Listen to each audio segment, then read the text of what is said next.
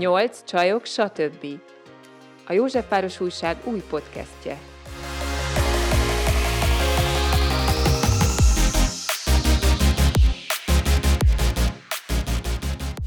Sok szeretettel köszöntünk mindenkit a 8 csajok stb. második adásában. A mai témánk hogyan építsünk vállalkozást a nulláról, egyáltalán lehetséges-e az, hogy vaskos anyagi háttér nélkül ennek nekifussunk, releváns gondolat, illetve releváns ötlet ez, illetve még az is fontos aspektusa lesz a mai beszélgetésünknek, hogy van-e jelentősége annak, hogyha mindezt nőként szeretnénk megvalósítani. Zoomon csatlakozik hozzánk Budavári Dóri, kommunikációs és PR szakember, és itt van velünk élőben Pintér Pálma, a Józsefvárosi Székhelyű Verkstáden alapítója, illetve Vári Balázs, életvezetési és üzleti tanácsadó coach. Üdvözlünk titeket! Sziasztok! Sziasztok! Szia, Dóri! És akkor első körben, Dóri, téged kérnélek meg, hogy egy maximum egy-két percben mesélj arról, hogy hogyan lettél vállalkozó, csináltál-e valamit előtte, ami nem vállalkozás volt, miért jó ez, mikkel foglalkozol? Sziasztok! Én 2014-ben lettem egyéni vállalkozó, katás egyéni vállalkozó, ugye ezt most már azért sokan tudjuk, hogy mit jelent itt Magyarországon. Előtte én nyolc évig alkalmazottként dolgoztam, nem vagyok egy rendszer szerető ember, nem is vagyok egy olyan ember, aki bír ilyen szintű rendszerekbe beilleszkedni, ha bár képes vagyok 8-10 órát dolgozni, és és mindent beleadni, de soha nem voltam képes például 9 órára beérni reggel az irodába. Ezek a számomra nem számomra nem segítséget nyújtó szabályok voltak azok, amik, amik miatt úgy gondoltam, hogy, hogy én nagyon szeretnék önálló lábra állni. És, és még azért azt is hozzátenném, bár ez már nagyon személyes, hogy, hogy nekem ez, a, ez az irodai kvaterkázás, meg a, meg a folyamatos kávézás, és az ezzel, ezzel az idő eltöltése, ez, ez, ez számomra tényleg, tényleg csak, csak arra volt jó, hogy elmenjen egy nap, és ne legyen hasznos a munkaidő. Úgyhogy amióta egyedül dolgozom, azóta sokkal hasznosabban töltöm az időt, azt gondolom, és sokkal több mindent tudok megvalósítani, meg kitalálni. Kommunikációs projektekkel foglalkozom, PR csinálok, rendezvényeket szervezek, elsősorban gasztronómia és bor témakörben, és azon belül is elsősorban a Balatonon. És van egy borboltod, ha jól tudom. És van egy borboltom, és van egy borboltom a pincémbe, a présházam aljába, ahol mindenféle szedetvedett módon fogadom az embereket, akik nagyon lelkesek a borok iránt, és ezt imádom, hogy ennek a borboltnak nincsenek szabályai, és nincsen állandó nyitvatartása, és popápnak lehet hívni, ami most eleve nagyon divatos, hogyha azt írod, hogy popáp, akkor ez már eleve őrület. Úgyhogy, úgyhogy amikor éppen kedvem van és kinyitok, akkor mindig jönnek borszerető, borkedvelő emberek, és én nagyon-nagyon szeretem nekik mesélni azokról a borokról, amiket összegyűjtöttem arra arra az egy polcra, de legalább azért azt elmondhatjuk, hogy ezen az egy polcon azért 60-70 féle bor is van sokszor. És azt még hozzátenném, hogy ezt ténylegesen úgy kell elképzelni, hogy Dórinak a az életterében, konyhájában van ez a borbolt, tehát hogy ne azt képzeljétek el, hogy ez egy óriási nagy ház, ahol erre van egy külön tere, hanem gondolom így döntött el, hogy van egy kis hely, és akkor megnyitod ezt a mini, mini üzletet. Háttérben mosogatok, vagy teát főzök, vagy rakom a tüzet és, és közben megjelennek random emberek, akik egyébként nagyon jól veszik ezeket a megpróbáltatásokat, tehát, hogy az első pillanatban megérkeznek, és tök jó, hogy, hogy, hogy tudnak ezzel együtt élni. Nagyon rossz helyen van bejelölve a Google Maps-en a dolog, úgyhogy már aki oda talál, az önmagában egy sikertörténet. Köszi szépen, Dóri. Akkor Pálma, most arra kérlek, hogy te is mutasd be a te utadat, a te vállalkozásod beindításának az útját. Hogyan zajlott? Sziasztok, én Pintér Pálma vagyok, a Verksteden Budapest ruhamárkának az alapítója. Hát én igazából még elég fiatal voltam, 11 éve, akkor ki kell számolnom, 22 éves voltam, és akkor jött az ötlete a vállalkozásnak, kinéltem Svédországban, és az ottani hatások hatására, hogy mondjam ezt szépen, tehát az ottani környezetem olyan szinten inspiráló volt, hogy, hogy onnan hazatérve elkezdtem hobbiból pólókat szitanyomással készíteni, saját grafikákat nyomtam új és használt ruhákra, és ezt sokáig én csak hobbiból csináltam, egy ilyen négy, négy év volt körülbelül, amíg, amíg hobbiból készítettem ezeket a ruhákat. Ez idő alatt így szinte mindent elajándékoztam, tehát így, így ezáltal egy ilyen kb. 5-600 fős követőbázis, az már így összejött, és akkor 2015-ben lett lehetőségem elindítani a vállalkozást. Ekkor én egy ilyen de minimis pályázatot, csekély értékű támogatást, 3 millió forintot nyertem, és akkor, és akkor abból el tudtam indítani a, a vállalkozást, ez 15-ben volt, Utána egy pár évig még csak vásárokon, vásárokon, koncerteken, fesztiválokon árultam a cuccokat, és 2018-ban jött el az újabb mérföldkő, amikor lehetőségem lett ide, vagy itt egy boltot nyitni a Rákóczi téren, a nyolcadik kerületben. Úgyhogy azóta itt vagyok, azóta azóta azt mondhatom, hogy meg lehet ebből élni, mert azért kellett ehhez egy, egy fix hely, amit ismernek az emberek, és van hova visszatérni. Nagyon sokan vannak manapság úgy, hogy megunják a mókuskereket. Itt, amiről Dóri is beszélt, hogy ő is nyolc év után kiszállt a, az irodai közegből, és egyre többen vannak úgy azzal, hogy, hogy ebből kiszállnának, önmegvalósítanának egy kicsit másképp úgy, hogy a saját lábukra állnak, a saját maguk urai lennének az életüknek, és, és akkor jön az, hogy alapítanának valami vállalkozást. Mi a nulladik lépés? Hogyha valaki ezzel fordul hozzád, Balás, hogy, hogy ő szeretne kitörni, akkor mit javasolsz neki, hogy mit, mit csináljon, hogyan kezdje egyáltalán, milyen esélyekkel fut neki? Az az igazság, hogy szerintem ez egy nagyon-nagyon komplex téma, és, és én igyekszem nem belevágni feltétlenül a közepébe és egyből előre menni, hanem felmérem, hogy hol vagyunk most, megnézem azt, hogy az illetőnek mi a motivációja, hogy valamitől menekül, vagy, vagy valóban van benne valami vágy, amit szeretne megvalósítani. Mind a kettő egy jó motiváció egyébként, de az, ami máshogy kell velük dolgozni én szeretem onnan indítani ezt a történetet, hogy találjuk meg azt, hogy, hogy mi, van, mi van úgy szívben, ami, amiben ugye az illető bele tudja tenni igazán magát, ami, amivel egyrészt egyedi is lesz, másrészt benne lesz az a, az a plusz faktor, ami, amivel több, mint, mint a versenytársak. És ha ez megvan, akkor emellé kell egy olyan üzleti modell is, emellé kell a fej, ami, ami szerintem egy sokkal inkább egy férfi aspektusú megközelítés. Az első inkább egy ilyen szívbéli női minőség, és amellé kell egy olyan keretrendszer, amiben ezt lehet működtetni. És te ezzel az üzleti oldalon is foglalkozol egyébként? Tehát ebbe is tudsz segíteni a hozzád fordulóknak? Igen, én alapvetően coach és business mentor vagyok. Ugye coachként én, én leginkább az önazonossággal foglalkozok, ezen belül bármi lehet, úgyhogy ez egy nagyon nyitott történet, de business mentorként leginkább én szolgáltatás alapú vállalkozókkal dolgozok. Egy személyedző, egy jogaoktató, egy coach, mentor, gyakorlatilag bárki, akinek szolgáltatás alapú vállalkozása van. Ezen felül pedig mostanában inkább felsővezetők azok, akik megtalálnak, és a, hát hogy hogyan válj kitűnő vezetővé ez a, ez a legfőbb kérdés, úgyhogy mostanában a fókuszom az erre van. Mindemellett én foglalkozok természetesen a coachingon belül olyan dolgokkal, hogy valaki megtalálja az álomhivatását, vagy hogy ebbe belálljon, de számomra a coaching és a mentoring itt egy, itt egy pillanatra eltér. A coaching ugye egy nyitottabb dolog, ott azzal jössz, amit, amit te szeretnél.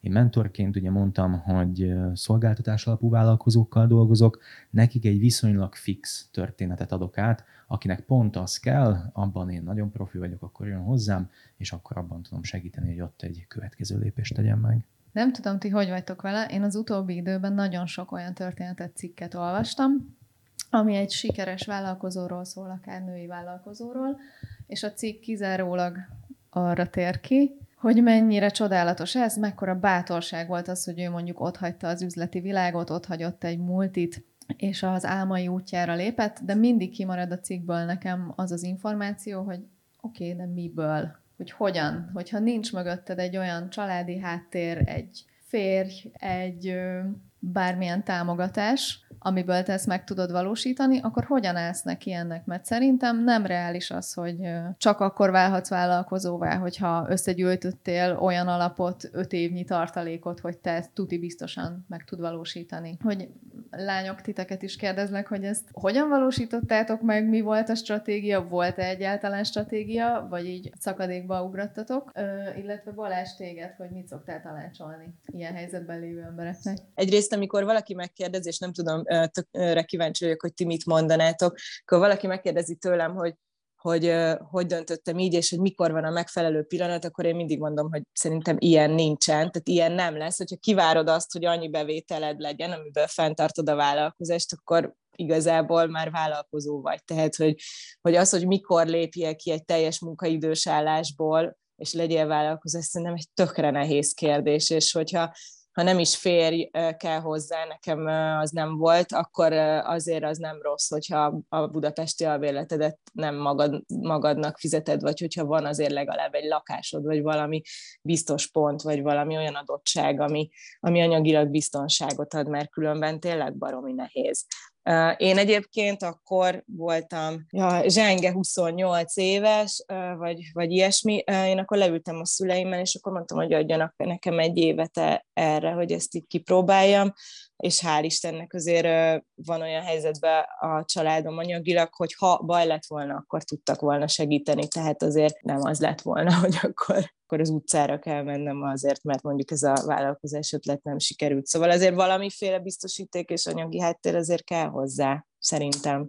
És akkor ez azt jelenti például, hogy neked sikerült ezt egy év alatt felpörgetni, tehát egy év alatt megtaláltad az új helyedet a világban? Nagyon sokat fusiztam már alkalmazottként, ezt így szokták mondani. Azt hiszem, úgyhogy, úgyhogy amikor kiléptem, akkor már voltak konkrét ügyfeleim, és akkor ez így elég gyorsan felépült. Mondjuk amikor én kiléptem, akkor pont kaptam egy ösztöndíjat, és kimentem Berlinbe egy fél évre, és akkor utána, amikor visszajöttem, akkor kezdtem igazából felépíteni ezt a klientúrát, ha lehet ilyet mondani. De akkor azt lehet mondani, hogy ez a berlini kiruccanásod volt az átmeneti időszak, nem? Amikor el volt időd igen, elgondolkozni igen, azon, igen, hogy akkor szóval hogyan tovább. Szóval azt talán azért érdemes elmondani, hogy ott volt egy ilyen átmeneti időszak, ami amúgy ilyen gondolkozásra is, meg kicsit ilyen, ilyen zsilipelésre is lehetőséget adott a, a kettő között, igen. Bár ott már voltak olyan munkák, amiket kintről tudtam csinálni. És Pálma, nálad hogy volt ez? Nálam úgy volt, hát ugye én fiatalon kezdtem elég, mert mindannyian fiatalok voltunk, csak ott nem tudom, én már tudtam, szerintem tizenévesen amúgy, hogy én ilyen irányba szeretnék menni, mert az már eléggé hamar világos se vett, hogy egyáltalán, ahogy Dóri is mondta, nem való, tehát hogy vannak ilyen típusú emberek, akiknek nem való. Egyébként szerintem a, ment ez az alkalmazotti lét. Szerintem egyébként sokkal kevesebb embernek való, ha való egyáltalán valakinek, az, hogy való egyébként, tehát való sok embernek, de, de sokkal kevesebbnek, mint ahányan dolgoznak e, ebben a nyolctól ötig tartó időszakban, szóval ezek a, ezek a szabályok engem is nagyon ö, zavartak a hatékonyságban.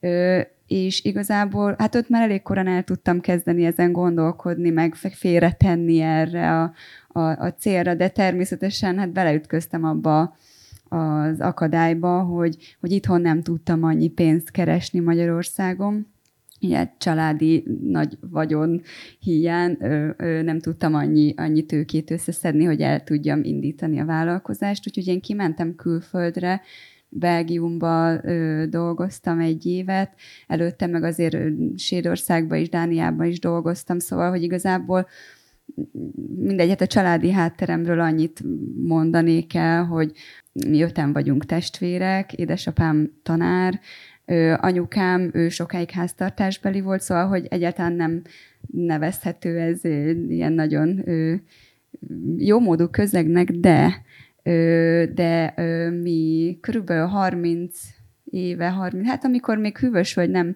tehát egy nyaraló övezet volt, mi oda költöztünk ott építkeztek a szüleim, és ez a de itt jön, mert én ott olyan közegben nőttem fel, ahol én azt láttam, hogy, hogy szorgalmas munkával, tehetséggel igenis lehet ott házat építeni. Nyilván ez ma már sajnos nem biztos, hogy így van, de hogy, hogy én ezt láttam, hogy, hogy anyukám iparművészként csinálta a mm, tűzománcékszereket, aztán hétvégén elmentek vásározni, azt eladták, és közben ment az építkezés ebből a pénzből.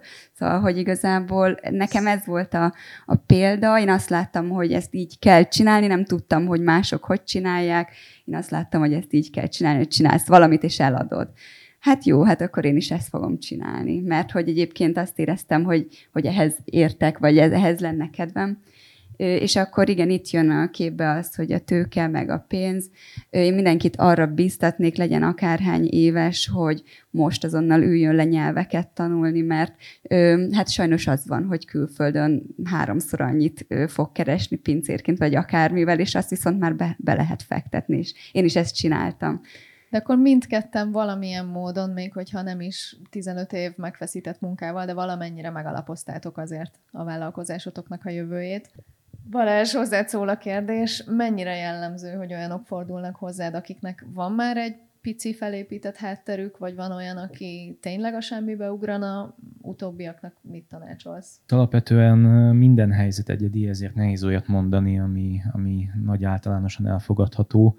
Hozzám általában olyan személyek jönnek, akik, akik a vállalkozásukban már dolgoznak, de valamiért nem tudnak túllépni egy, egy bizonyos limitet, és szeretnék a vállalkozást feljebb skálázni, szeretnének kevesebbet dolgozni, többet keresni és egyfajta lényegesen nagyobb ügyfélelégedettségi élményt elérni.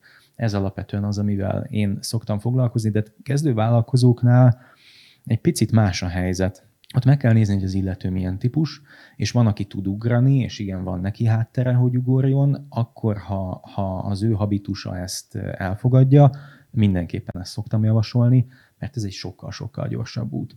De vannak olyanok, akik, akiknek ez a fajta hajlandóság vagy bátorság egy, egy picit kell, hogy még alakuljon. Ebben az esetben viszont minden további nélkül meg lehet azt csinálni, hogy az embernek van egy főállása, és mellette csinálja a vállalkozást. Én is ezt csináltam, én tíz évig oktattam jogát, így gyakorlatilag a jogaoktatói karrieremnek hát több mint a fele az gyakorlatilag úgy zajlott, hogy nekem mellette volt főállásom. Ez nyilván nagyon sokat kivesz az emberből, de hogyha ott vagy 20 évesen, akkor ezt minden további nélkül azt gondolom, hogy meg tudod csinálni. Kemény meló, de, de össze lehet hozni. Pálma beszámolt itt arról, hogy ő már 22 évesen tisztában volt azzal, hogy ő nem fog beszállni ebbe a reggel 8-tól délután 5-ig irodában dolgozunk, és adott esetben ülünk a jól légkondicionált irodában, ez mégis riasztotta valami miatt. Ami egyfelől azt gondolom, hogy tök jó önismeret lehet, de a kérdésem mégis az, hogy, hogy mindannyian, ő azt mondta, hogy sokkal többen vagyunk vállalkozó alkatok, mint amennyien aztán vállalkozunk. Tehát mindenkiből lehet jó vállalkozó? Van ilyen, hogy vállalkozó típus, vagy pedig, vagy pedig nem mindenkiből lesz jó vállalkozó, mert azért ez egy nagyon fontos szempont, hogy, hogy te ezt láttad. Tehát te úgy nőttél fel, hogy volt előtted egy példa, anyukát példája, ugye, aki, aki készítette, eladta, készítette, eladta. Nagyon-nagyon jó kérdésnek tartom ezt. Először is tisztázok, hogy négy lehetőséged van. Vagy alkalmazott vagy, vagy egyéni vállalkozó, vagy cégtulajdonos, vagy befektető. Te is tudok hirtelen választani. az, az az érdekessége ennek, hogy teljesen más mindset kell mindegyikhez. És hogyha hajlandóak vagyunk egy pillanatra hátralépni, és mondtad itt az önismeretet, akár még a spiritualitás felé is egy picit elmegyünk, akkor megfigyelhető az, hogy ez egy út. Ez a személyiség fejlődésének egy útja. Végig tudnám mindegyiket mondani, csak akkor lehet, hogy itt ülnénk még egy két-három órát. Ez szerintem egy nagyon-nagyon fontos dolog, hogy megfigyelni, hogy az illető milyen mindsetben van, honnan indul, és akkor annak megfelelően válasszon magának játékteret, és figyeljen oda, hogy amikor annak az adott játéktérnek kezd a vége felé érni, akkor már kezdjen el ráhangolódni a következő mindsetre. Teljesen máshogy működnek ezek a rendszerek. Az, ami alkalmazottként működik, kicsit sem működik egyéni vállalkozóként. Az, ami egyéni vállalkozóként működik, egyáltalán nem működik cégtulajdonosként. Ez nagyon fontos. És egy másik modellrendszer, ahhoz, hogy valamit jól csinálj, ahhoz három dolog kell. Kell egyfajta mm, tudatosság, kell egyfajta felkészültség, hogy kell egy, legyen egy tudásalapod, Ugye a, a, a tudatosság az azért, hogy egyáltalán felismert, hogy benne vagy a helyzetben, mint Pálmánál, és ő felismerte, hogy miben van. Nem ismered fel, hogy miben vagy, hiába szenvedsz, attól még nem fogod tudni, hogy változtatni kellene. És a harmadik is, ez a legnehezebb, ez a hajlandóság. Hogy van-e benned hajlandóság, hogyha ott vagy a, a helyzet előtt, akkor lépj. Ezt a hajlandóságot sokszor bátorsággal szokták azonosítani, és a bátorságnak van egy, egy, egy, nagyon érdekes mondata, hogy a bátorság az nem az előfeltétele a cselekvésnek, hanem a következménye. És itt csúsznak el a legtöbben. Arra várnak, hogy na majd, ha én kész leszek, na majd, ha megszerzek valamit, akkor lépek. Nem. Akkor fogod érezni azt, hogy készen vagy, ha léptél, mert az annak a következménye lesz. És itt említetted azt, hogyha, hogy is fogalmaztál, hogyha az egyik játéktérnek a végére érsz, azt érzed. Hogy erre mi a garancia, hogy úgy érzed, hogy vállalkoznál, úgy érzed, hogy életed álmát követed, megtaláltad azt, amire mindig is vágytál, de mégis kiégsz benne. Honnan, honnan tudod azt, hogy mondjuk következő pályára kell lépni, vagy oké az, hogyha vállalkozol valamit tíz évig, és utána mondjuk egy teljesen másik dologgal akarsz vállalkozni. Ez mind hármótokhoz szól a kérdés, hogy tapasztaltok-e ilyet, amikor azt érzed, hogy felépítetted életet álmád, de rohadtul eleged van éppen belőle. Hogy, hogy jössz ki ebből? Nagyon gyakran találkozok ezzel, és ennek megint csak nagyon-nagyon sok oka lehet, úgyhogy mindig meg kell nézni az egyedi, egyedi esetet. A legtöbb eset szerintem a, a legtöbb esetben az fordul elő, hogy valaki tényleg megtalált egy olyan hivatást, amit szívből tud csinálni, de nem tanulta meg hozzá azt a keretrendszert, ahogy ezt, ezt működtetni kell. Ugye abban az esetben, hogyha valaki egy alacsonyárú szolgáltatást, klasszikusan órabéres rendszert üzemeltet, mondjuk szolgáltatóként, akkor teljesen mindegy, hogy mennyire szereti a munkáját. Ki fog égni benne, ez garantált. Ezt egyszerűen végig lehet skálázni, hogy már abban az esetben, hogyha neki nincsenek más egyéb bevételi forrása, és mondjuk szeretne túllépni egy 300 ezeres bevételi limiten, abban a pillanatban szeretne többet keresni, egyetlen egy út van oda, többet kell dolgozni. De 24 óra az 24 óra mindenkinek.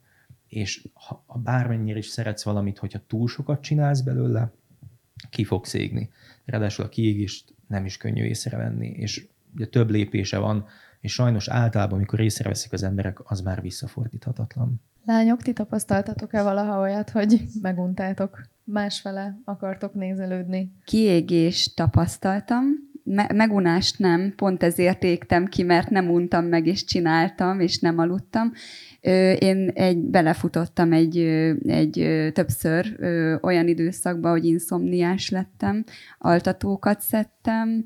Ez körülbelül, hát amikor a boltot megnyitottam, akkor eléggé rápörögtem 18-ban a dolgokra, és akkor így, hát igen, belefutottam egy ilyen, persze nyilván több okból ö, kifolyólag egy ilyen kis depresszió, alvászavar, stb. stb. És ez nekem egy ilyen, ilyen wake-up call volt, hogy, hogy csináljak valamit, mert ez így, ez így nem lesz jó, és pont, pont ezért égtem ki, mert annyira szerettem ezt csinálni, meg, meg nem, tehát egyszerűen van, van, hogy így ehhez értesz, leépülnek a baráti kapcsolataid, a, a, az emberi kapcsolataid, nincs magánéleted, nincs pasid, és akkor így, így, így ezt csinálod, mert, mert ez van, és, itt, és a munka az van. Mert ez okoz örömet, ebben van sikered? Ebben van siker, igen, igen. És akkor ez, ez, ez egyértelműen ez, ez kiégéshez vezet. Én azt ott elértem, és akkor utána úgy döntöttem, hogy itt, itt sürgősen változtatni kell. Mai napig ugyanazt csinálom, de, de már, már nem, ö, nem szégyellem azt mondani, hogy gyerekek, jön a nyár, én most családozni fogok, másfél hónapra, bocs, de bezár a bolt. És el tudod képzelni, hogy ezt csinálod életed végéig, vagy vannak más tervek? El tudom képzelni, el tudom képzelni, de egyébként majd, majd Dóri is, Balázs is elmondja, hogy, hogy így vállalkozóként ők ezt hogy érzik, de, de szerintem a vállalkozói mindsetnek része az, hogy folyamatosan vágysz az újra, és, és vágysz az újdonságra, vágysz arra, hogy, hogy új, újat kreálj, valami újat hoz létre, és ennek szerintem törvényszerűen része az, hogy, hogy nem tudom, én most tartok 11 évnél, tehát 11 évet csinálom ezt, mai napig jókedvűen úgy kelek fel, hogy jaj, de király, csinálhatom ezt, de, de én például most elkezdtem írni. Az is egy régi gyerekkori vágyam volt, hogy írjak. Nem azt mondom, hogy akkor most, mostantól kezdve író leszek, vagy mit tudom én, de, de most egy picit jobban érdekel az írás, mint a ruhák, de nyilván nekem most a, a vállalkozásom az, amiből meg tudok élni, tehát amellett írok. Most ezt az átmenetet érzem, de, de nem akarom abba hagyni ezt, tehát én inkább abban gondolkozom, hogy hogyan tudok én egy icipicit kiebb kerülni ebből, ugye adott esetben céges irányba lépni, mert én egyéni vállalkozó vagyok, hogyan, hogyan tudok esetleg úgy szintet lépni, hogy akkor itt ne egyedül húzzam az igát, hanem, hanem akkor egy, egy, egy rendesen összehozom a fizetést mondjuk egy pár embernek, és akkor ő velük együtt csináljon. Dóri, nálad hogy, hogyan alakult a határok megtartása, meghúzása? Neked voltak ezzel problémáid? Ha, hogy ne lettek volna. Azért csatlakoznék csak, csak előbb itt a szintekhez, amikről meséltetek, hogy amikor már az ember látja, hogy az egyik Balázs, te mondtad, most nem, nem tudom visszaidézni, de hogy, de hogy nyilván vannak ennek lépcsői, és hogy azt is észre kell venni, amikor az embernek már tovább kellene lépnie, vagy akár feljebb kellene lépnie, vagy mondjuk a egyéni vállalkozóból kellene egy céget alapítani, amiről pont most Pálma beszélt én, én ezt megpróbáltam. Szerintem egyébként az, hogy kiégünk, meg az, hogy vannak hullámvölgyek, azt szerintem az életnek a része, legyen az egy magánélet, vagy egy vállalkozói élet is. Nem hiszem, hogy akkor fel kéne adni, vagy akkor abba kéne hagyni, vagy akkor azonnal váltani kéne. Szerintem, szerintem vannak jobb és rosszabb időszakok, legalábbis én ezt, én ezt most már így kezdem megszokni. Viszont én megpróbáltam ebből az egyéni vállalkozóból kicsit a céges keretek felé menni, Nekem a személyes megélésem az, hogy akkor ugyanabba helyezem vissza magam, csak kicsit máshogyan, mint amiből el akartam jönni, tehát egy ilyen kötelező körökbe, mert embereket eltartani, és embereknek folyamatosan fizetést adni, meg motivációt, ez egy ugyanolyan elköteleződés, mint amiből valójában alkalmazottként távoztam. Ez az én megélésem egyáltalán nem biztos, hogy mindenkinek ugyanez. Plusz a matek abban a sztoriban, amit én csinálok, ami azért egy kis játék, nem jön ki, hogyha én ezt uh, ilyen nagyobb céges keretek között csinálom, tehát a, a PR, meg ilyen kisebb rendezvények, kreatív projekteknek a menedzselése, uh, akár gasztro összefogásoknak a menedzselése Magyarországon, és lehet, hogy ez más országokban máshogy van, nem jön ki pénzügyileg úgy, hogyha, hogyha ezt sok emberrel, egy KFT-vel csinálom. Egészen egyszerűen, szóval ehhez le kell ülni egy Excel táblához, és, és ezt meg kellett nézni. Én szintet lépni nem akartam, mert a szintlépés az én kategóriámban azt jelenti, hogy, hogy, hogy lehet, hogy nem annyira kreatív dolgokat, meg nem annyira fluid, meg nem annyira, nem tudom, érdekes dolgokat fogok csinálni, hanem megint csak egy ilyen verklit ezt nem akartam. Így hát valójában bele fogok ragadni valószínűleg ebbe a kis vállalkozói, vagy egyéni vállalkozói sztoriba, amit, amiben a kiégésem ellen most tíz év után sikerült tennem, hogy lett egy gyakornokom, és, és benne tök sok lehetőséget látok. Egyrészt jobban ismeri a social médiát, mint én, amiben én nem is szeretnék nem tovább fejlődni, igazából ez engem már így abszolút nem érdekelő, viszont egy 25 éves csaj, és nyilván állati jó, hogy, hogy, hogy van köztünk egy ilyen nagy generation gap, szeretném dolgokra tanítani, ő is szeretne tanulni, és szeretnék neki átadni majd projekteket, hogy most ő az alkalmazottam lesz, vagy egy másik egyéni vállalkozó, akivel szoros kapcsolatban dolgozunk, ez, ez valójában majd, majd inkább csak egy technikai dolog. Plusz bevontam egy barátnőmet a projektekbe, úgyhogy ez inkább egy ilyen hálózat, és nem egy, és nem egy cég. Viszont ezzel teszek én most a kiégés ellen, mert egyedül nem megy, tehát egyszerűen nem működik. Tehát nekem tavaly jött az, hogy egy 3000 fős rendezvényen kapcsolatban minden csak az én fejembe volt, és az így a rendezvény napján teljesen világossá vált, amikor összegörnyedve bőgtem, hogy most ez így nem, tehát hogy az, hogy ez nincsen leírva, és az, hogy még telefonszámokat is én tudok kívülről, az teljes, teljesen egy rossz út, úgyhogy, úgyhogy Úgyhogy legalább az, hogy a terveimet, meg a stratégiámat megosszam mással, hogy leülhessek beszélgetni, és akár most a, lehet, hogy elmehetnék Baláshoz kócsolni, vagy most a legjobb barátnőmet félig bizonyos projektekben, nem tudom, ilyen társnak választottam, és akkor leülünk és átbeszéljük, hogy ne csak a saját agyammal gondolkozzak, mert szerintem az a kiégés, amikor a saját köreimet róvom folyamatosan, és ugyanazokat a válaszokat adom ugyanazokra a kérdésekre. Úgyhogy én így próbálok, meg, meg megtanulni nemeket mondani. Bocsánat, csak még ezt akartam, hogy ez nekem, nekem egy új, új tapasztalat. Nemet mondani munkákra, az egy szuper dolog. És akkor szintén mindannyiótoknak szól a kérdés, hogy lehet-e vállalkozás mellett magánéletet élni. Gondolok itt párkapcsolatra, barátokra, szociális életre.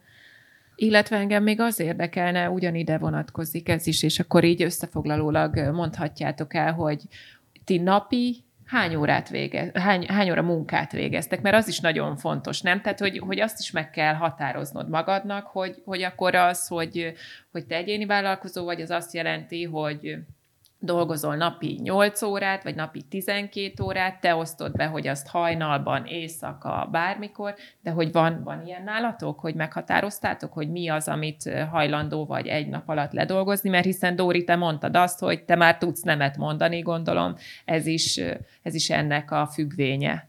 Azt gondolom, hogy ez egy, ez egy kulcsmondat, a határkijelölés és mindenkinek, aki, aki elindul egy fejlődési útvonalon, és mint mondtam, számomra ez a vállalkozói lét, ez egy, ez egy fejlesztési folyamat, annak, annak ez egy kulcsfontosságú lépése. A határkijelölés lesz az, amikor, amikor valamilyen fokon önvédelmet tanulok, és ez az önszeretetnek az alapja. Ugye az önvédelemnek az első lépése, hogy én nem teszek olyat magammal, ami nekem rossz ha én nem teszek olyat, ami, ami nekem rossz magammal, akkor már másnak sem fogom hagyni, és szépen lassan lehet kifele haladni belülről, kifele haladunk. És miután már tudom, hogy mi az, ami nekem nem jó, és hajlandó vagyok azért tenni, hogy ez ne történjen meg, onnan következik az, hogy oké, okay, akkor mi a jó? És akkor kezdek el felépíteni olyan valóságot, ami örömmel tölt el. Nem igazán lehet ezt kikerülni. Az egyik, oldal, ha nincs még megjavítva, ez a határkijelölés nem működik, addig nem tudok magamnak jót tenni, hiszen közben ártom, és ez, ez így együtt nem működik. Ennek ez a menete. Számomra ez a négy lépés, ez az alkalmazott egyéni vállalkozó cégtulajdonos befektető, ez arról szól, hogy egyre nagyobb felelősséget vállalok. Egyre nagyobb felelősséggel, egyre nagyobb szabadságon. Ugye alkalmazottként én felelősséget hárítok folyamatosan, mindenki hibás, csak én nem, és amint, amint eljutok arra pontra, hogy, hogy nem bírom azt, hogy nincsen szabadságom, rájövök arra, hogy nekem kell a kezembe venni az irányítást. Amikor itt történik egy pici mindsetváltás, akkor hirtelen az ember átesik a ló túloldalára, látja azt, hogy, hogy hoppá, már egyéni vállalkozó vagyok, nagyon-nagyon jó, hogy van egy csomó időm, egyetlen egy gond van, senki nem mondja meg, hogy mit kell csinálnom, és mennyit kell dolgoznom, akkor két lehetőség van. Vagy elbukik, és visszamegy alkalmazottként, mert nem fogja tudni az önmenedzsmentet csinálni, vagy megtanulja, vagy hát pontosabban megpróbálkozik vele, és ilyenkor szoktunk átesni a ló túloldalára, és csak dolgozik, dolgozik, dolgozik, dolgozik. Ez ugyanúgy hiba, ez ugyanúgy egy szélsőség, bár általában a szélsőségek belövésével találjuk meg az egyensúlyt, és igen, utána jön az, hogy, hogy elkezdem meghúzni a határokat, és akkor azt mondom, hogy nem. Valójában egyébként itt visszacsatlakozva Dúrira, a következő lépés az az lenne, hogy azt az önmenedzselést, amit én megtanultam az egyéni vállalkozói szinten, az az, hogy hogyan működik egy ember, hogyan kell beosztani az idejét, mik az erőforrásai, és, és ezt még lehetne nagyon sokáig ö, tárgyalni. Ezt a tudásomat kezdem el alkalmazni más embereken, akik még ezt nem tudják. Elkezdem én megtanulni őket, irányítani, menedzselni, és akkor jön létre egy nagyon jól működő vállalkozás, aminek az egyik legfontosabb alappillére, hogy ne magam köré építsem. Hogy, hogy, hogy ha én magam köré építem, akkor még mindig valójában egyéni vállalkozó vagyok, hiába vannak ügyfel, hiába vannak alkalmazottaim, tőlem függ ez az egész dolog. És itt van egy óriási gap a kettő között, hogy képes vagyok-e felépíteni olyan rendszereket, amik már nélkülem működnek. Én működtetem a rendszereket, azok tartják életben a vállalkozásomat, de én meg tudom tenni minden további nélkül azt, hogy elmegyek másfél hónapra, de én attól még keresek folyamatosan pénzt. Te pedig Pálma elmész másfél hónapra? Most már így fixen, tehát hogy, hogy igazából itt a, a, a ruha bizniszben egyértelműen megvannak a szezonok, tehát a, azt nem teheted meg, hogy a karácsonyt kihagyott, tehát ott azt meg kell nyomni, mert az éves bevétel harmada ott egy három hét alatt jön be úgyhogy a, a karácsonyt ezt nagyon meg kell nyomni, érdemes fesztiválokra menni. Ö, igazából az év első négy hónapja szinte kuka, tehát akár ott is mehetnék szabadságra, de hát szoktam is azért egy ilyen három hétre ott is, de, de, de itt a nyár az, ami, ami meg olyan, hogy hogy nagyon kétesélyes, tehát volt már nagyon jó nyaram is, de volt olyan is, hogy csak ültem és néztem a, az ümmögő legyeket a, a boltban, mert kiürült a város. Úgyhogy én most szeretnék következetes lenni, és azt mondani, hogy én mostantól nyáron kicsekkolok. igazából ez annak is az eredménye. Nem tudom, szeretnétek-e számokat hallani, hogy hány órát dolgozunk, mert ugye benne volt a kérdésben. Igen, mindenféleképpen. A, a kiégés környékén ott, ott azért úgy egy, egy-két éven keresztül tize, napi 17 hajnali háromkor feküdtem mindig, tehát ott mindig találtam valamit, és ez, ez nem azért volt, mert hogy én olyan hú, de szorgalmas, szorgalmas vagyok, hanem mert nagyon szét apróztam magam, és nem voltam hatékony. Most átlagban mondjuk, mondjuk 25 órát dolgozom egy héten, de te jobban keresek sokkal, mint annak idején. És hogyha visszanézel erre a nagyjából 11 évre, amit belefektettél, akkor elégedett vagy a magánéleted, szociális életed alakulásával, vagy van olyan, amit megbántál? Nem bántam meg azt, hogy voltak időszak, de én nagyon sokáig ilyen, ilyen forever singli voltam, tehát, hogy így voltak így nyilván így kapcsolataim, de hogy így, így nem tudom, szerintem ilyen 20, 23 éves koromtól 32 éves koromig így nem nagyon volt tartós párkapcsolatom. Csináltam ezt, mint állat, tehát így nagyon durván sokat dolgoztam, és 32 évesen találkoztam a mostani párommal, ez hát most már lassan két éve. Segít a határhúzásban a párod léte? Persze, persze, ő megköveteli a saját idejét, és, és én eleve úgy mentem ebbe bele, hogy én, én tudtam ezt, hogy én meg akarom adni, mert, mert itt jön képbe, amit Balázs is mondott, az önszeretet. Én valószínűleg nem biztos, hogy szerettem magam. Tehát, hogy, hogy bizonyos szinten persze, mert az, nagyon örülök neki, valamilyen szintű önszeretet kellett ahhoz, hogy én azt felismerjem, hogy, vállalkoz, hogy vállalkozás létforma az nekem jó. Tehát, hogy ehhez nyilván kellett bizonyos szintű önszeretet, de de, de például az, hogy nem engedtem meg magamnak azt, hogy párkapcsolatban éljek, az egy, ez egy szomorú dolog, tehát, hogy... Érdekesen fogalmaztál, hogy nem engedtem meg magamnak. Tehát nem azt mondtad, hogy nem jött össze, vagy nem fért Időrablónak gondoltam ezt a dolgot. Érdekes dologhoz jutottunk el. Szerintem érdemes itt egy picit rávilágítani arra, hogy, hogy a vállalkozói lét, mint olyan, az egy férfi lét.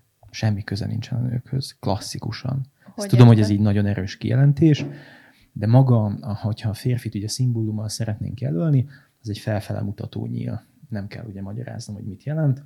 Azon kívül a fókuszálást jelenti, a, a, a, azt jelenti, hogy, a, hogy ugye itt, itt Pálma talán említette is, hogy abból, ami, ami ismert, amit, amit már bejártam, abból én tovább lépek egy pont felé, ami az ismeretlen, felfedezek, stb. Minden olyan aspektus, ami, ami alapvetően a vállalkozó, vállalkozáshoz kell, az leginkább egy férfi minőség. A női minőség ehhez képest ugye a lefele mutató nyíl, ez a befogadást, a megérkezést jelenti, igen, a megengedést jelenti, ahogy, ahogy Pálma megfogalmazott, hogy megengedek magamnak ilyen dolgokat, és nyilvánvaló, hogy a, ahhoz, hogy jól működjünk, ahhoz ennek a kettőnek az egyensúlya kell. De nagyon sokan, mint ahogy az előbb is beszéltük, elkövetik azt a hibát, hogy, hogy az egyik végletből átcsúsznak a másik végletbe, és igen, amikor ez egy, ez egy nőnél, egy nő életében jelenik meg a vállalkozás, akkor nagyon sokszor válik ő emiatt túl férfiassá, mindent ő akar csinálni, hiszen nyilván az működik, nem nincs körülötte senki, aki felfúrná azt a polcot, vagy megcsinálna azt a vállalkozást, akkor ő magára veszi ezeket a dolgokat, és sajnos ennek nagyon sokszor van egy olyan hátulütője, hogy nőiség az háttérbe szorul, és emiatt maga az életélvező képesség, az önszeretet, a megengedés, ezek, ezek sajnos ott mennek a levesbe. Neked mi a véleményed erről, Dóri? Igazából nekem is szezonális a, a munkám, vagy itt a terheltségem, csak nekem pont más hogy, mert nekem ugye a Balaton meg a borok miatt a nyár az, ami ilyen iszonyú, iszonyú pesgő, meg amikor nagyon-nagyon sok munka van, és akkor télen én abszolút tudok ez a bekuckózás, vagy ez a, ez a Netflix sorozatok nézése, vagy akár elutazás, én télen szoktam utazni, akár heteket, akkor meg tudom tenni. Uh, ugye, én mivel én félig, félig a Balatonon élek, ezért a nyár úgy sem inspirál arra, hogy elutazzak, mert utazni kell a világ egyik legszebb tájáról, ahol lehet szapozni, meg vitorlázni, meg fürdeni, szóval semmi szükségem rá, de, de télen, télen viszont én tudok pihenni. Ez, ez nehéz egyébként szerintem lelkileg, biztos vannak erre technikák, Balázs biztos jobban tudja, de, de azért ez a, ez a hihetetlen kilengés, tehát, hogy, hogy, hogy mondjuk télen dolgozol napi négy órát, ilyenkor meg dolgozol napi tizenkettőt. Most nyilván túlzok, mert hál' Istennek azért ennyit nem szoktam most már dolgozni, attól függ, hogy a munkába beleszámolom-e azt, hogy amikor elmegyek úszni, akkor is azon gondolkozom, hogy, hogy, hogy mi hogy legyen, és akkor a, a iPhone-om ott van a medence mellett, és a jegyzetek közé írom a dolgokat, meg hogy én éjjel felébredve hány e-mailt küldök magamnak ilyenkor, saját magamnak, vagy akkor még ezt meg azt. Szóval, hogy nehéz azért ezt kiszámolni, hogy hogy mennyit dolgozok ilyenkor, és nyilván igen, tehát ez a körülöttem lévőket is ilyenkor megterheli, legyen ez egy párkapcsolat, vagy egy baráti kapcsolat, vagy egy családi kapcsolat, mert ezen jár az eszem, mert nem tudok átkapcsolni, nem tudok átklikkelni ilyenkor, mert ezek uh, nem letehető feladatok, tehát amikor június 14-én van egy 3000 fős rendezvényed, akkor ez addig nem, nem egy letehető dolog, nem egy olyan, hogy akkor most hat óra van, akkor most a, abba hagyom a munkát, és, és nem tudom, és csinálok valami mást. Viszont ami még szintén nehéz, az meg letenni a rendezvény után. Tehát, hogy, hogy, hogy felpörögsz, csinálod három-négy héten át tényleg iszonyú uh, erőbefektetéssel, és azért a munka szerintem mindannyian tudjuk, hogy adrenalint ad, meg örömérzetet ad, meg elégedettségérzetet ad, meg baromi jó dolog valami olyat csinálni, amit már tudsz csinálni, amit rutinból csinálsz, ez tényleg egy, szerintem egy öröm, és akkor erről a tripről lejönni 11-e után, amikor így nézel magad elé, hogy akkor elment a 3000 ember, ez tök jól sikerült, és akkor most mi van? Szerintem egy nagyon ért érdekes kérdéshez érkeztünk, tehát hogy ez a nő, mi nőies, mi férfias. Sok szempontból egyet tudok érteni azzal, amit mondtál, de bizonyos szinten, mint női vállalkozó, szeretnék így hozzászólni ehhez, mert én most teljesen nőnek érzem magam. Ez nem mindig volt így.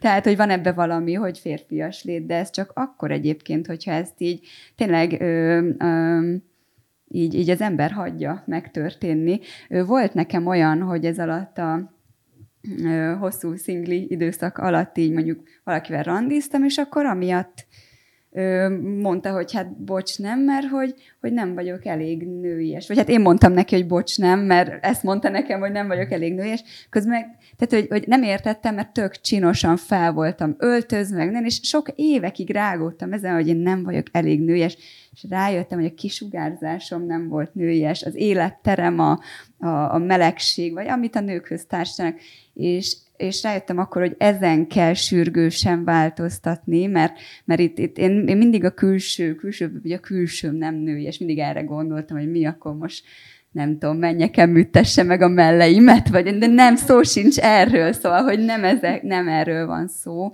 hanem, hanem valóban tud egy ilyen, egy ilyen picit ilyen keményebb kisugárzása lenni az embernek, viszont, viszont ez, ez változ, ezen lehet változtatni. És Tehát, hogyan? El kell dönteni, el kell dönteni, és úgy, ahogy Dóri mondta, határokat kell szabni, nemet kell mondani dolgokra, hatékony, tehát hogy egyszerűen el kell kezdeni kiszervezni dolgokat. Én például nagyon sok mindent kiszerveztem a, a gyártásban, és akkor elkezdtem magammal foglalkozni, szeretni magam és megengedni magamnak a párkapcsolatot például. És egyébként én most elővettem ezt, a, amit Dóri is említette, jegyzeteket, mert most a jegyzetekkel készültem, és van egy ilyen pont, ahol én így pontokba szedtem azt, hogy hogy, hogy milyen nő, hogy szerintem milyen ö, képességek, vagy milyen tulajdonságok ö, társulnak nőként a vállalkozói léthez, és szerintem nőként vállalkozónak lenni nagyon is nőies, nagyon sokan ugye anyaként kezdenek el vállalkozni, mert ez egy, ez egy munka típus, tehát hogy igazából ez egy, ez egy ö, ez egy életforma, és, és sokan például gyerek mellett kezdik ezt el, és igazából nem tudom, tehát szerintem nekem így például, ami, ami én csinálok, ahhoz előbb kell mondjuk kedvesség, meg előbb kell multitasking, előbb kell jó kommunikációs készség, előbb kell barátságosság, mint mondjuk ez a mindenki átgázolok típusú férfias fókusz, ami, ami, amiről azért nem, a, te nem mondtál ilyet, hogy mindenki átgázolok, de azért ez a, ez a masszív férfias, tehát hogy az én vállalkozásomhoz nem kellenek ilyen ilyen képességek, mint ami, ami, ami férfias. Tehát az enyémhez sokkal fontosabb, hogy kedvesen viselkedjek a vásárlókkal, hogy a barátjuk legyek, hogy meghallgassam, amikor bejönnek, hogy ott hagyta őket a pasjukban, és akkor együtt sírunk, és, és imádják, és én is imádom. Szóval, hogy ez meg nagyon is nőies szerintem. Egyetértek veled, Pálma. Az az igazság, hogy én egy picit hátrébb lépnék talán, és akkor, amikor ezt a férfi-női dolgot venném külön a vállalkozásba, akkor nagyon egyszerűen fognám meg. Beszéltünk arról, hogy egyensúly kell. Uh-huh. Beszéltünk, a, vagy nem beszéltünk arról, de majd, majd mindjárt fogunk, hogy valójában, amikor egyre jobb vállalkozóvá válsz, akkor azt tanulod meg, hogy a két minőség között hogyan válts a leggyorsabban, és és úgy, hogy a legkönnyebb legyen egyikből az átmenet. Teljesen mindegy, hogy nő vagy, vagy férfi vagy, mind a két minőség benned van, és mind a két minőséget kell tudnod használni, de alapvetően azt gondolom, hogy ha valaki nőnek született, akkor sokkal nagyobb valószínűséggel fog tudni ő a női energiával, női energiáival működni, mert abban lesz egyszerűen önazonos. Az fog belőle tisztán jönni. Általában nőknek egy picit nehezebb azt megtalálni, ami a férfi működés, de tudják, és a férfiaknak meg nehezebb megtalálni azt, ami a női működés. A férfi és a női működés nagyon egyszerű ebben a témában. A férfi a fej, a nő a szív. Hogyha csak fejjel vagy, akkor, akkor egy nagyon jó keretrendszered van, mindenre van határidő, ki tudod szervezni a dolgokat, elképesztő fókuszáltság, nagyon-nagyon pengén működnek a dolgok, de nincsen benne az a plusz faktor, nincsen benne a szíved, nincsen benne energia. Igazán az energiáról beszélünk. Ugye, hogyha most jogikusan közelíteném meg, mondhatnám a síva és sakti. Ugye síva, ez a pusztító energia, ami, ami gyakorlatilag maga a, mm, a, a, a férfi aspektus. Ugye sakti emellé pedig az, az ami, ami ennek, ennek az egésznek életet ad. Az egyik nem létezhet a másik nélkül. Ha csak szívvel vagy viszont jelen, és ez nagyon gyakori, hogy megtaláltam, hogy úristen, én joga oktató akarok lenni, úristen, én ezt szeretném csinálni, ez egy szuper jó dolog. De ha nem teszed mellé azt a férfi keretrendszert, ami ezt a hömpölygő energiát egy ilyen töltsérbe teszi, és aztán ilyen lézerfókuszúvá alakítja, akkor, akkor egyértelmű, hogy ki fog szégni. Hát nagyon, férfiként nagyon is kell a női ö, nagyon energia. Is, nagyon is. Sőt, teljesen igazad van, az az első az az Igen. első, ugyanis a szívnek igazándiból a feladata az útmutatás, a szív egy iránytű, a fejnek a feladata pedig a védelmezés. A fej folyamatosan kifele figyel, és azt nézi, hogy mik a különbségek, hogy hol kell védekeznem, hol kell odafigyelnem a dolgokra, keretrendszereket tud képezni, elképesztően fontos. De ha bármi újat szeretnél, szeretnél megújulni, azt csak a szíveddel fogod tudni megtenni, mert az agyad mindent meg fog azért tenni, hogy ne lépjél ki a komfortzónából. És hogyha az első a szív kitűzted, mint egy iránytű, ugye megmondta, hogy na, én oda akarok eljutni, és te elindulsz a szíveddel, ugyanúgy szét fogsz csúszni, mint hogyha csak a másik minőség lenne meg. Úgyhogy elindulunk a szívvel, de azonnal bejön a fej, mert ő fogja megmondani, hogy hogy lehet oda a leggyorsabban, legegyszerűbben eljutni. Dóri, te hogyan tudtad a női energiáidat használni? Ez, ez tök érdekes, amiről eddig beszéltetek a, a Jaj, vár, mindjárt összefoglalom, hogy mire gondoltam e, ezzel kapcsolatban. Igen, szóval, hogy nem szabad átvinni a munkát a magánéletbe, és a munka mm, attitűdjét, meg a munkahelyi dolgokat, vagy amit, vagy amit ott felszettél, tehát ez a férfi-női energiát szerintem a munkán belül is egyfajta módon meg kell határozni, és akkor ott van, egy, van ennek egy van ennek egy ilyen békés együttélése, amit nyilván nehéz megtalálni, azt gondolom, hogy, hogy talán így 10-12 év alatt azért már így sikerült, vagy itt ezen így dolgozom, viszont Viszont én, én például így magánéletileg én nagyon-nagyon szeretem, hogyha, hogyha amúgy így a magánéletemben a másik irányít, és ezt egyébként nem, nem csak párkapcsolatban, hanem a barátaim is néha visszajelzik, hogy te olyan, olyan pörgös vagy, meg mindent megszervezel, és akkor miért van az, hogy elmegyünk utazni, mondjuk itt többen, és én semmit nem csinálok, így ülök, és na, ma mi lesz a program? És akkor mondják, hogy hát, hogy azért úgy bele kéne tenni az energiát, és én mindig mondom, hogy gyerekek, oda fogok menni, ahova, ahova ti ma szeretnétek. Én annyira együttműködő vagyok, végtelenül, végtelenül laza, és, és tényleg lehet, hogy ez meg a lónak a másik oldalára esése, de, de hogy én nagyon nem szeretnék irányítani a magánéletemben, és, hogy, és, és, és az, is, az is biztos, hogy azért van ez, mert annyira sok energia megy el erre, azért azt talán az elején említettem, hogy én ilyen összefogásokat menedzserek, amik adott esetben mondjuk 20 borászat összefogása, ahol férfiakat fogok össze adott esetben, amihez kell a női energia. Tehát, hogy ehhez például, amit én csinálok, szerintem kifejezetten a kedvesség, meg az empátia az nagyon-nagyon kell. És akkor utána, amikor, amikor ebből kilépek, akkor, akkor én nagyon szeretem, hogyha nem. Igen, Balázs?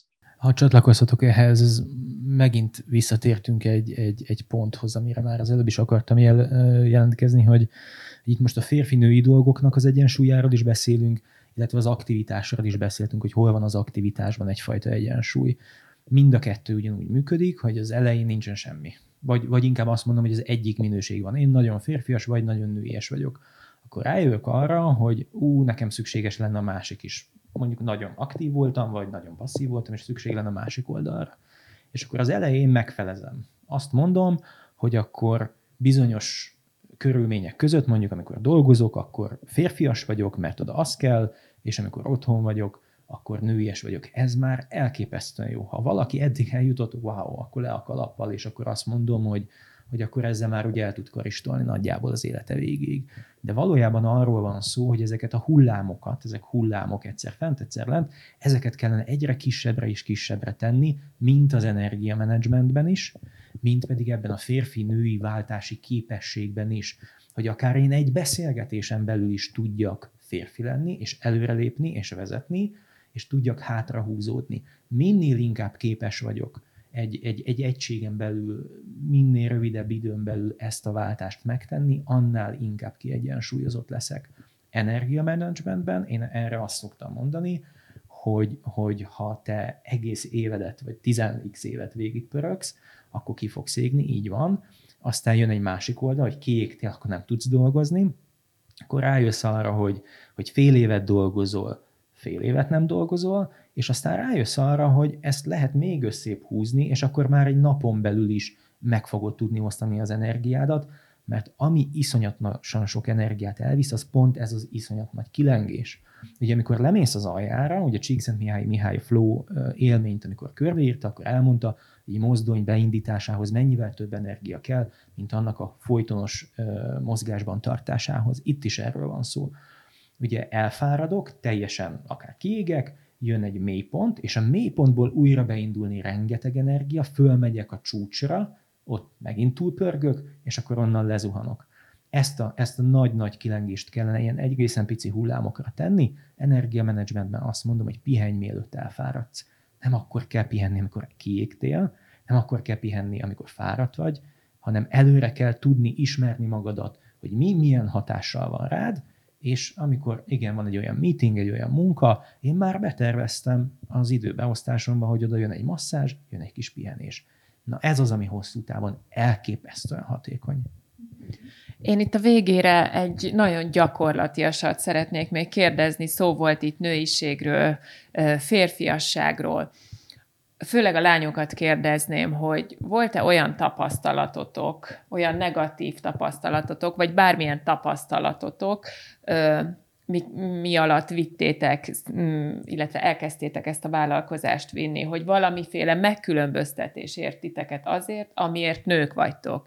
Például kevésbé vettek komolyan, mint általában egy férfit szoktak, vagy bármi ilyesmi. Volt-e ilyen tapasztalat, Pálma? Ö, ne, nekem igazából még csak a, a legelején, amikor így beszéltem erről, hogy hát én ezt szeretném, és akkor ö, annyit voltak szkeptikusok, és akkor ö, volt egy ilyen mondat, amit mai napig nem felejtek el, hogy hát Pálma, téged ilyen fejjel soha nem fog senki komolyan venni, mert hát ugye hallgatók nem látnak, nem tudom, van egy ilyen, ilyen forever kid, ilyen, ilyen örök gyerek fejem, nem tudom, te lehet, hogy ez már megváltozott, de hogy azt mondták, hogy engem ilyen fejjel nem fognak soha. Hát nem tudom, én ez volt az a legrosszabb tapasztalatom, azóta vállalkozóként semmi, semmi, zéro, semmi rossz tapasztalatom nincs. Az nagyon szuper. Neked, Dóri, volt valami ilyesmi? Persze. Uh, hát nem tudom, ami most ugye elsőre eszembe jut, az pont, hogy még a reklámügynökségi évek alatt egyszer uh, én akkor nagyon uh, azt gondolom, hogy így ment előre a karrierem, és akkor egy cigizés közben a,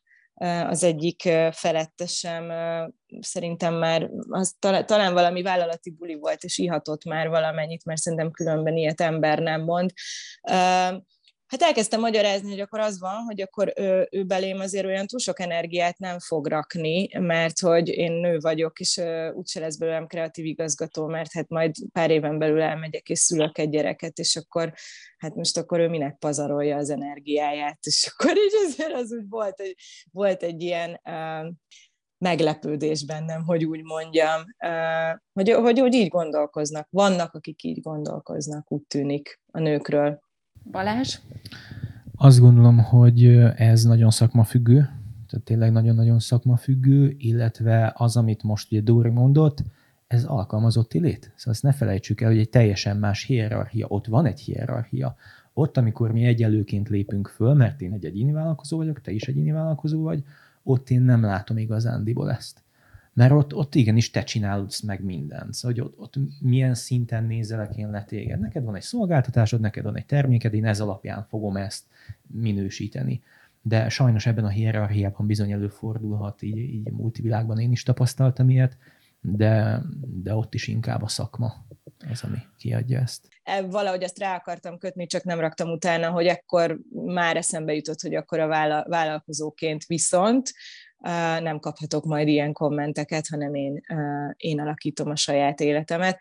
És vállalkozóként a nőiességet lehet használni, és szerintem kell is, tehát még azért azt így a végén hozzátenném, hogy igenis van olyan szituáció, amikor egy olyan ruhába kell elmenni, és egy olyan rúst kell használni, és, és úgy kell elmenni, mert, mert mert basszus, ott, ott azzal, azzal az energiával lehet, hogy még pluszt el tudok érni. És most nem a kivágott ruháról vagy ilyesmiről beszéltem, hanem azokról a női energiákról, amik azért szerintem tudnak hatni. Na, akkor szerintem ezzel a szép végszóval le is zárhatjuk. Igen, nagyon szépen köszönjük nektek, hogy itt voltatok velünk.